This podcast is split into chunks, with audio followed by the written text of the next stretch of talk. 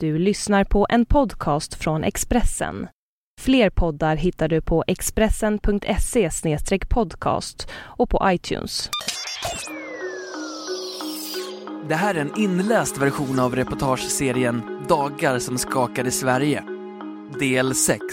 Attentaten i Norge. Anders Bering Breiviks terrordåd chockade en hel värld. 77 människor dog och hundratals anhöriga fick aldrig mer se sina barn, syskon och föräldrar.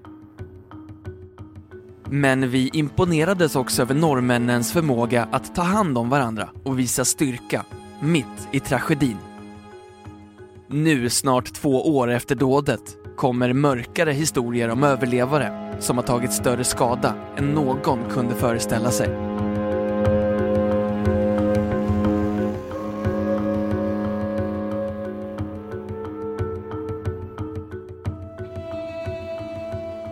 Fredagen den 22 juli 2011 började som en långsam, händelsefattig julidag.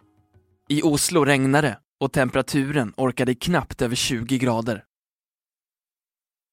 På biograferna regerade Bridesmaids. Men kvällens exklusiva Norgepremiär var Hjälp, vi är i filmbranschen. En komedi med bland andra Peter Stormare i rollen som sig själv. Molde Jazz och Telemarkfestivalen var i full gång. Än så länge ovetande att man inom ett dygn skulle ställa in samtliga konserter. Oslobörsen som varit på väg upp under torsdagen fortsatte optimistiskt också under fredagsförmiddagen. I huvudstadstidningarna debatterades polisens prioriteringar. Dagstidningen Världens Gang hade just publicerat en lista över vardagsbrott som polisen valt bort och rasat över sveket mot medborgarna. Men den 22 juli svarade Dagbladets ledarredaktion med att lugna nationen. Polisens prioriteringar är helt rätt. De stora brotten klarar norsk polis och det är det som är viktigast, försäkrade ledarskribenten. På Utöja hade Arbeidarpartiets ungdomsförbund inlett sitt traditionella sommarläger. Den här dagen var 19-årige Anders Christensen vakt, så det var han som drog på sig reflexvästen och utrustades med walkie-talkie för att hålla ordning på ön. I Oslo öste regnet ner, och mer skulle det bli. De närmaste dagarna väntades en månads regn på två dygn. Osloborna fick rådet att se över sina källare, avlopp och inte ge sig ut i trafiken om de inte var tvungna. Det skulle visa sig att regnprognosen var något överdriven. Och snart fick Norge annat att tänka på. Vid den tidpunkten var han okänd. Mer anonym än de flesta. Idag är Anders Behring Breivik världskänd för sitt terrordåd. Han föddes 13 februari 1979. Akers sjukhus, en pojke, stod det i den kortfattade födelseannons som publicerades två dagar senare. Pappa Jens David Breivik, 44, var diplomat och placerad i London. Han reste hem för att vara med om tilldragelsen, men så fort sonen var född återvände han till arbetet. Jens Breivik hade redan tre barn i ett tidigare äktenskap och några månader efter att sonen Anders fötts lämnade han också sin andra hustru. Så började Anders Behring Breiviks uppväxt. Den rättspsykiatriska undersökningen, som norska tidningen Dagbladet har tagit del av, tar fasta på just detta att Breivik aldrig någonsin bott tillsammans med sin pappa. Mamman kämpade hårt med att försörja båda barnen, Anders och den sex år äldre halvsystern. Breivik säger i rapporten att han inte hade så mycket gemensamt med systern. Hon hade en mor för sig själv i sex år, så det blev nog en förändring när jag kom, sa han. Den lilla familjen uppmärksammades av socialtjänsten 1983 och en psykolog fick i uppdrag att observera citat, en fyraåring som var på väg att utveckla psykiska skador. Slutcitat. Hans ensamstående mamma erkände att det blev för mycket för henne ibland och att hon behövde avlastning under helgerna. Psykologen tyckte att pojken skulle bo i fosterhem permanent. En granne slog samtidigt larm till pappa Jens Breivik att barnen var ensamma hemma alldeles för ofta och pappan ville att pojken skulle flytta till honom i London. Resultatet blev ingenting. Fosterhemsplaceringen rann ut i sanden. Ansökan om helgstöd drogs tillbaka och eftersom mamman vägrade ge upp vårdnaden kunde Anders Bering Breivik inte flytta till pappan och föräldrarna förlikades enligt Dagbladets granskning. 1986 började pojken i Smestad skola. Som tradition är det den skola som den norska kungafamiljen väljer för sina barn. Knappt tio år tidigare hade prinsessan Märta Louise inlett sin skolgång här.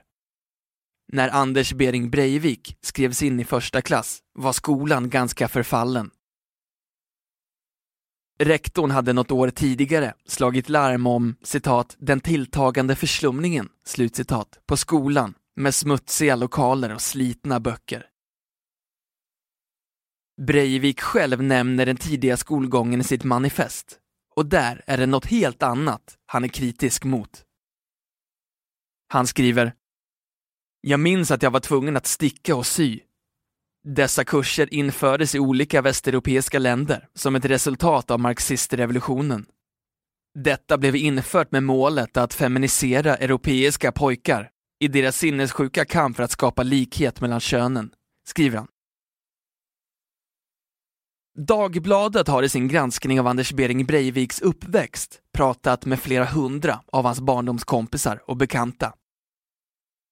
Frågan som alla ställer sig är, hur blev han den han blev? Var han annorlunda redan under skoltiden? Och i så fall, varför var det ingen som märkte något? Svaret är att Anders Bering Breivik inte stack ut särskilt mycket. Han var ganska duktig i skolan, men gjorde inga större avtryck som person. Vissa upplevde honom som kall, frånvarande, distanserad. Han spelade fotboll, men höll så låg profil att han aldrig nämndes i medlemstidningen eller figurerade på bild. I själva verket är det just det anonyma draget som så här i efterhand är det otäcka, säger en kille från klassen. Det som skrämmer mig mest med att tänka tillbaka är att det faktiskt gick att känna någon så dåligt efter att ha delat klass i många år. Jag hade ju kontakt med alla andra i klassen. Han var enda undantaget, säger klasskompisen. Under uppväxten gick Anders Breivik med i scouterna, men utmärkte sig inte där heller. Han hängde på fritidsgårdar då och då, som de flesta andra. På 90-talet började ett litet gäng bomba tågstationer med graffiti. Breivik greps och skvallrade enligt uppgift för polisen om vilka kompisar som också deltagit i aktiviteterna. Stadsdelsförvaltningen startade ett ungdomsprojekt för att få bukt med oroligheterna. Men för Breivik fick graffitihistorien en dramatisk konsekvens. Han bröt med sin pappa. Jag har inte pratat med min far sedan han isolerade sig då jag var 15. Han gillade inte min graffitifas från då jag var mellan 13 och 16, skriver Breivik i sitt manifest. Fredagen den 22 juli 2011 klockan 15.25 19 detonerar en bomb i en grå bil parkerad utanför regeringskvarteret i Oslo vid näringsdepartementets lokaler. Flera byggnader sprängs sönder helt. Krigsskådeplats, säger ögonvittnen. Detonationen är så kraftig att den blåser ut fönsterrutor flera kilometer bort. Tidningen Världens Gang och flera andra medieföretag får sina redaktioner förstörda. Journalisterna tar in på hotell för att kunna leverera nyheter. Henrik Noel som jobbar på näringsdepartementet har just gått ner i arbetsplatsens gym när han hör smällen och i panik försöker ta sig ut igen. Det första han ser är en död människa som ligger på marken. Oslobon Andreas Lunde sitter och fikar 300 meter från regeringsbyggnaden när han hör en skarp smäll. Först sökte han efter naturliga förklaringar. Något som fallit från en byggnad, en olycka i tunnelbanan. Men sen såg jag hur folk kom springande mot mig, säger han. Mindre än fem minuter senare har Sveriges statsminister Fredrik Reinfeldt format en krigsgrupp som börjar jobba på regeringskansliet. Terrorism har slagit till. Polisen bekräftar bomb i Oslo. Vi är alla norrmän, twittrar utrikesminister Carl Bildt. Andra försöker förutse vem gärningsmannen är. Någon som vågar sig på en gissning om vem som ligger bakom bomberna i Norge, skriver Kent Ekeroth, Sverigedemokrat. Och en stund senare. Nej, jag kommer inte att kalla er islamofober, skriver han. Norges statsminister Jens Stoltenberg sitter och skriver på ett tal som han ska hålla på AUF-lägret på Utöja. Först sprids ett rykte att han är skadad, men det stämmer inte. Bara minuter efter bomblarmet befinner sig Stoltenberg i regeringsbyggnadens säkerhetsrum. I Oslo bor 50 000 svenskar. Många av dem jobbar med service i centrala staden och blir vittnen till bomben. Sean Bosco Franklin, 21, från Göteborg, ser sårade överallt och fem, sex personer som inte rör sig alls innan polis och militär anländer och utrymmer området. Polisen rekommenderar människor att hålla sig inne och gatorna töms. Centrala Oslo är nu en spökstad. Samtidigt är Anders Bering Breivik på väg mot Utöja. Ön där Arbeidarpartiets unga i över 50 år hållit sommarläger. När nyheten om attacken mot regeringsbyggnaden, i förlängningen mot Arbeidarpartiet, når Utöja går många av ungdomarna till samlingssalen för att prata om det som hänt och för att få säkerhetsinformation. Anders Bering Breivik kommer till Utvika i en hyrd varubil av märket Fiat Doblo och begär att få hjälp med transport ut till ön med Aufs egen båt, MS Torbjörn. Han är klädd i polisuniform och skottsäker väst och säger att han ska säkra ön på grund av terrorhotet. Matrosen Jannes Dalem Giske tar med honom på båten och lägger till vid en annan hamn än den vanliga för att inte riskera ett angrepp. De som möter Breivik i hamnen och ombord på båten tycker att han är märklig. Men chocken över terrordådet i Oslo gör att acceptansen för ovanliga händelser är större än vanligt. Senare säger aufaren Håkom Sandbacken till Aftenposten. Det är lätt att säga så här i efterhand, men jag tyckte att det var något konstigt med polismannen. Redan när han gick ombord på båten. Han ska säkert undersöka eventuella terroristdåd, tänkte jag. Då är det inte konstigt att han är beväpnad.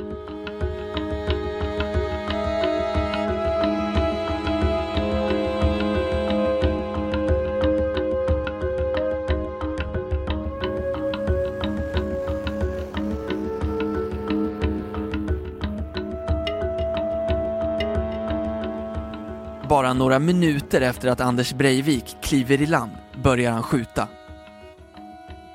De första som dödas är ungdomsledaren Monica Bösey och polisen Trond Berntsen efter att de hjälpt Breivik att ta av sig packningen. När skjutandet börjar får Håkon Sandbacken med sig några kamrater in på en toalett. Det blir deras räddning. Andra gömmer sig i en sovstuga som känns trygg. Tills Breivik börjar skjuta genom väggen. Skrikande och gråtande kryper de in under sängarna. Jaran Berg, 24, sitter inne i den stora samlingssalen när skjutandet börjar utanför. Han springer ut och ser tre blodiga, livlösa kroppar ligga utanför på marken. Ungdomar flyr springande åt alla håll. Vad som helst duger som gömställe. Många klättrar ner till vattnet och in i klippskrevor. Flera berättar hur de tvingas gömma sig under döda vänners kroppar och ligga så stilla det bara går. Breivik ropar hånfulla kommentarer till sina offer. Godnatt, säger han innan han skjuter en person. En annan uppmanar han att komma och leka lite. Några ropar han till sig och utger sig för att vara polis på väg med hjälp. Norsk-svenska gränsen hålls av svensk polis under eftermiddagen och resten av dygnet. I det första skedet är norrmännen inte säkra på huruvida attentatsmannen haft med brottslingar. När insatsstyrkan slutligen kliver i land är många av ungdomarna osäkra på om de vågar lita på polismännen. Är de riktiga poliser? Samma sak gäller de frivilliga som kom med egna båtar för att undsätta de unga. Vi var livrädda att folk i båtarna också var med på det hela, säger Torbjörn Vereide, 22, till Aftonposten. Så fort Anders Bering Breivik ser polisens insatsstyrka på ön ger han upp och sträcker upp armarna i luften. Samtidigt börjar hans manifest spridas på nätet. Före midnatt slår polisen till mot hans mammas hem, där Breivik senast var bosatt. Redan nu är han knuten till båda terrordåden, enligt polisen. Dödssiffran stiger chockerande snabbt under första dygnet. Till slut står det klart att Breiviks två terrordåd lämnar 77 döda efter sig. 77 döda och hundratals anhöriga i chock, sorg och förvirring. Några har orkat prata. Andra har vänt sig inåt och tystnat helt. Unni Espeland Markusen och hennes sambo Björn-Ulf i Sarpsborg bestämde tidigt att de ville ha en positiv sorg. Andrine Backens Espeland, 16, Unnis dotter och Björn Ulfs styvdotter var bland de sista som blev mördade på Utöja. Det hade gått en timme sedan hon ringt sitt nödsamtal till familjen där hon mest bara skrikit. Andrine satt med armen om en annan tjej när hon blev skjuten och troligen såg de båda flickorna räddningsaktionen ute på vattnet. Ändå hann polisen inte fram. Det här är något som familjen inte tillåter sig att älta. Oavsett vid vilken tidpunkt polisen hade kommit fram skulle någons barn vara de sista som blev skjutna, säger Unni Markusen till Dagbladet. När hon fick tillbaka dotterns saker från ön låg en parfymflaska i en av väskorna och Unni sprayade lite av den i dotterns rum för att känna närvaro. På nyårsafton, ett halvår efter tragedin, kom Unni Markusens styvdotter och hälsade på med sitt barn. Det var första gången som hon bytte lakan i Andrines säng och hon tvekade först. Skulle det kännas fel att låta någon annan ligga i Andrines säng? Jag kände länge på det, men så blev det bara väldigt bra. Synen av en sovande treåring här inne med sitt kramdjur, så varm och levande, säger Unni Espelen Markusen. Det tog en vecka innan familjen fick dödsbudet. För det fanns så många döda att identifiera. Först hoppades de att hon var oskadd och hade flytt. Sen att hon var så allvarligt skadad att hon inte kunde säga vem hon var. Till slut önskade de bara att hennes döda kropp skulle vara bärgad och inte ha försvunnit i fjorden. Så blev det också. Dödsbudet kom en dag före Andrines 17-årsdag. Vi hade henne i öppen kista i kyrkan på födelsedagen. Vår Andrine. I samma blå klänning som hon hade haft på semestern i Turkiet. Hon hade sår i ansiktet, ett plåster på hakan, ovanpå såret från en av kulorna. Det var då det blev verkligt för mig, säger Unni Markusen. Anders Christiansen, 18, från Bardu, han precis som Andrine ringa ett sista samtal till sina föräldrar. Han var mycket politiskt engagerad och förstod vad attentatet handlade om. Mamma, har du hört vad som har hänt i Oslo? Det är oss de ska ta. Arbeiderpartiet. Men nu kom det en polisman som ska ge oss information här. Så sa han. Sen bröts samtalet. Troligen mötte Anders Christiansen mördaren då. Det var han som var ordningsvakt den här dagen, så han var extremt synlig i sin reflexväst. Exakt vad som hände sen är pappa Viggos mardröm. Tanken på tiden som gick, från att han förstod vad som skulle hända till att han blev dödad, skapar stor frustration och ilska inom mig, säger han till Dagbladet. Linda Sogn, 45, i Oslo, är tacksam för att hon i alla fall någon gång hann säga till dottern Isabelle hur mycket hon tycker om henne. Isabelle Victoria Gren 17 år, var djupt politiskt engagerad. Hon hade åkt på konferenser tidigare och när hon åkte till Utöja lovade mamma Linda att inte höra av sig så mycket. Folk har sagt till henne och maken, Jon Inge, att de tar det så bra. Det gör de inte. Folk frågar ju hur det går och de önskar väl att jag ska svara fint eller okej. Okay. Det är inte lätt att sätta sig in i hur vi egentligen har det. Det var en annan pappa som berättade att han svarade det är brutalt. Och det är sant, det är brutalt, säger Jon Inge Sogn. En annan pappa vägrar helt att bli intervjuad. Han åkte till Utvika en dag före årsdagen för att slippa all uppmärksamhet. Men ändå kunna visa respekt för sin äldste son, som var en av dem som sköts. Med sin yngre son besökte han minnesstenen, förlamad av sorg. Det var något avgörande som hände i Anders Bering Breiviks liv 1995. Han bröt med sin pappa. Fadern ville inte veta av honom då han avslöjats som klottare, enligt Breivik själv. Pappan delar inte den bilden.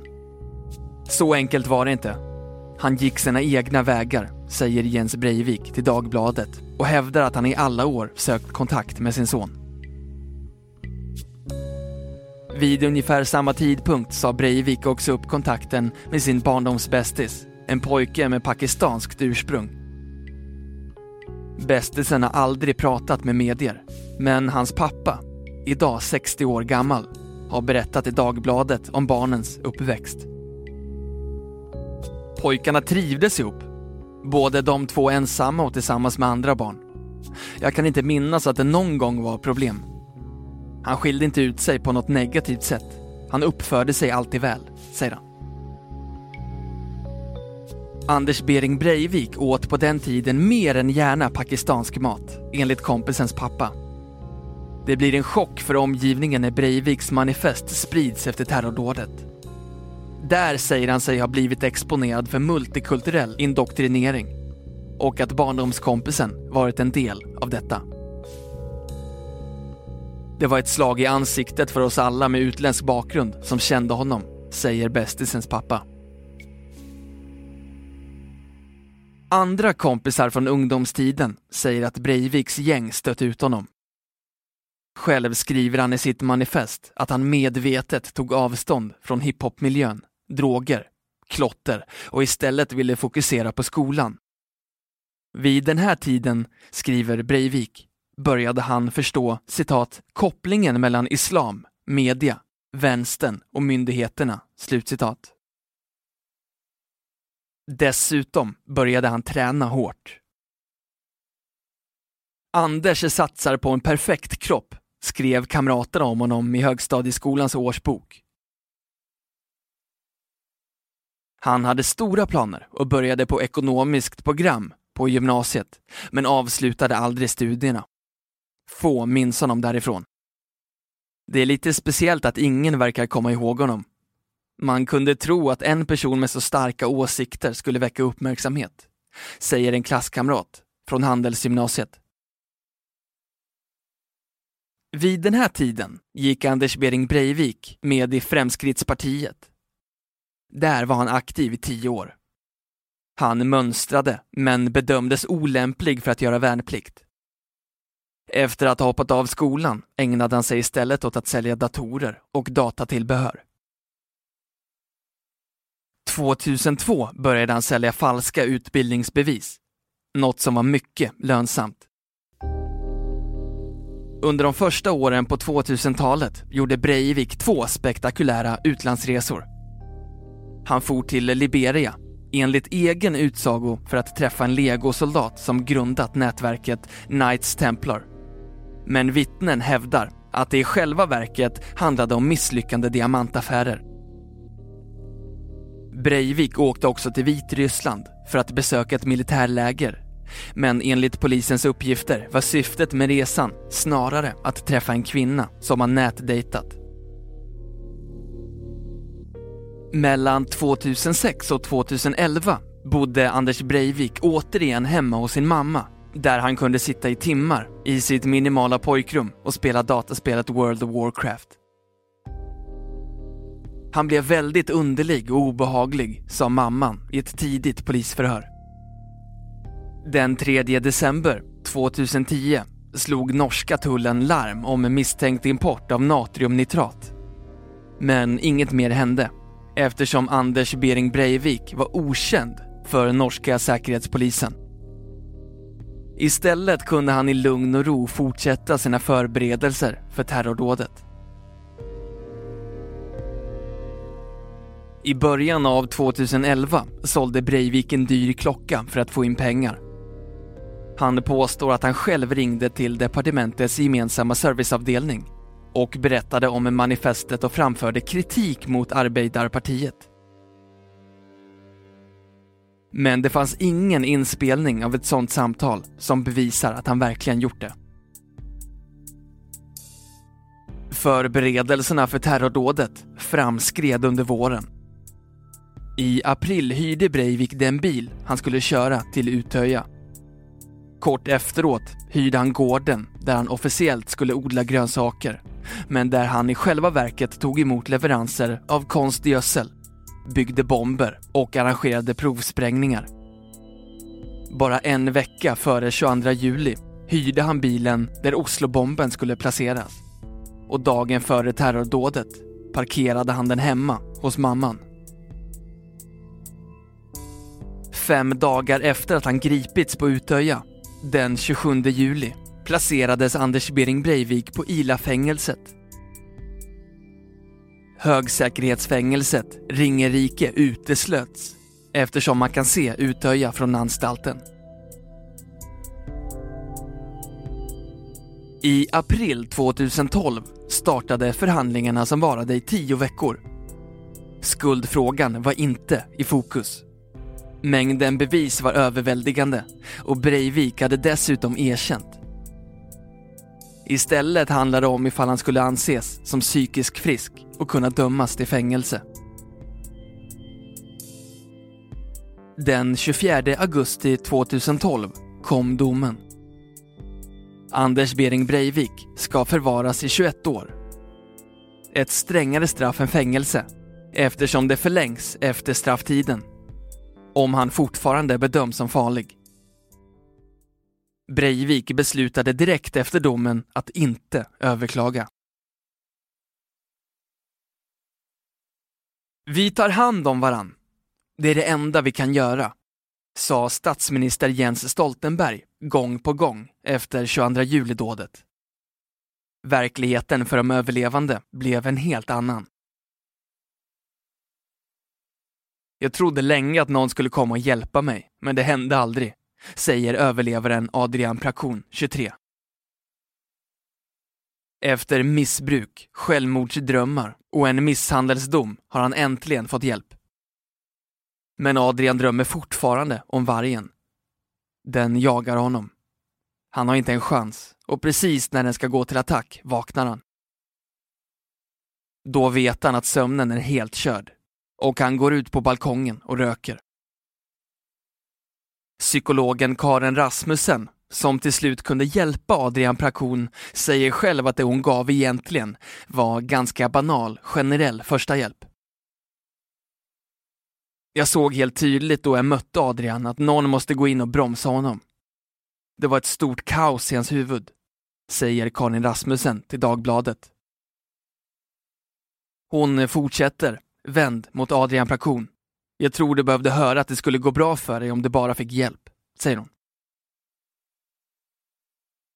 Den här hjälpen borde Adrian Prakon och alla andra traumaoffer få på en gång, tycker Karin Rasmussen. Men 17 månader skulle det ta. Adrian Prakon, son till en polsk invandrare och med ett livligt politiskt engagemang, säger att det är en skandal. Jag har sett på Youtube kungens tal under minnesceremonin, Stoltenbergs tal i domkyrkan, kronprinsens tal under roståget. Det har gjort ont att höra att så många skulle finnas där för oss, att så mycket skulle göras. Det var inte direkt några löften, men det kändes så, säger han. Första tiden efter 22 juli var han nästan överdrivet lugn. Under hösten skrev han boken Hjärtat mot Steinen, om det han varit med om. Medförfattaren, Erik Möller Solheim, la märke till att han inte en enda gång började gråta när de talade om massakern. Då hade Adrian ändå sett Breivik på nära håll tre gånger, blivit vittne till hur människor mördats och tvingats gömma sig under sina kamraters döda kroppar. Jag var känslomässigt stum och paralyserad. Mitt sätt att överleva var att förneka hur jag egentligen hade det. Det skulle visa sig på andra sätt hur dåligt Adrian Prakon mådde. I november 2011 misshandlade han helt oprovocerat en man på en krog och slog dessutom till en kvinna som försökte gå emellan. Efteråt mindes han inte ens vad som hade hänt. Han dömdes för brottet men fick lägre straff eftersom han är en överlevare från Utöja. Efter rättegången drog Adrian Prakon sig tillbaka. Jag började dricka mer och mer alkohol och tog en massa starka smärtstillande mediciner. Jag hade så ont inom mig att jag hoppades att det skulle få mig att må bättre. Under den här tiden körde han ofta runt i sin bil.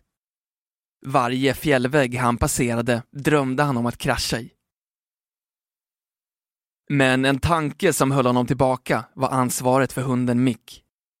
Adrians mamma stod också hela tiden vid hans sida. Vändpunkten kom när Adrian Prakon bestämde sig för att söka hjälp. I december 2012 gick han ut med sitt beslut på Facebook. På måndag blir jag inlagd för psykiatrisk behandling för att inte bli nummer 78. Jag är sliten och behöver hjälp. Men jag ska få mitt liv tillbaka, skrev han. Trond Henry Blattman, ordförande i stödgruppen, säger att Adrian Prakon är långt ifrån ensam. Många överlevare har inte blivit kontaktade av sin kommun överhuvudtaget. I andra fall har kontakten fungerat dåligt. Förra sommaren släpptes dessutom 22 juli-rapporten som på en mängd punkter kritiserade myndigheternas arbete direkt efter terrordådet. Några förbättringar har gjorts sedan dess. Inköp av fler helikoptrar till exempel. Men det mesta återstår och norrmännen litar inte på att säkerhetsnivån har höjts. Statsminister Jens Stoltenberg, som klev fram som landsfader efter terrordådet, löper stor risk att förlora valet i september 2013. Adrian Prakon hoppas att hjälpen till överlevarna ska bli bättre. Som Jens Stoltenberg och andra pratat så vackert om. För egen del längtar han efter den tråkiga, gråa vardagen. Nere på gatan ser jag folk som springer efter bussen för att åka till jobbet. De stressar, svär och är slitna. Det är det jag drömmer om. Att vara en del av dem som springer efter bussen och komma tillbaka till de vardagliga saker som jag tagit för givet, säger han.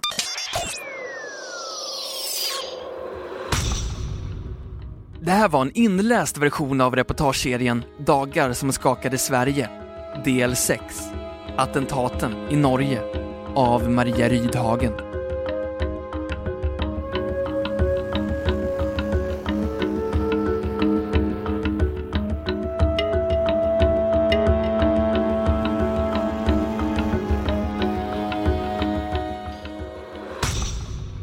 Du har lyssnat på en podcast från Expressen.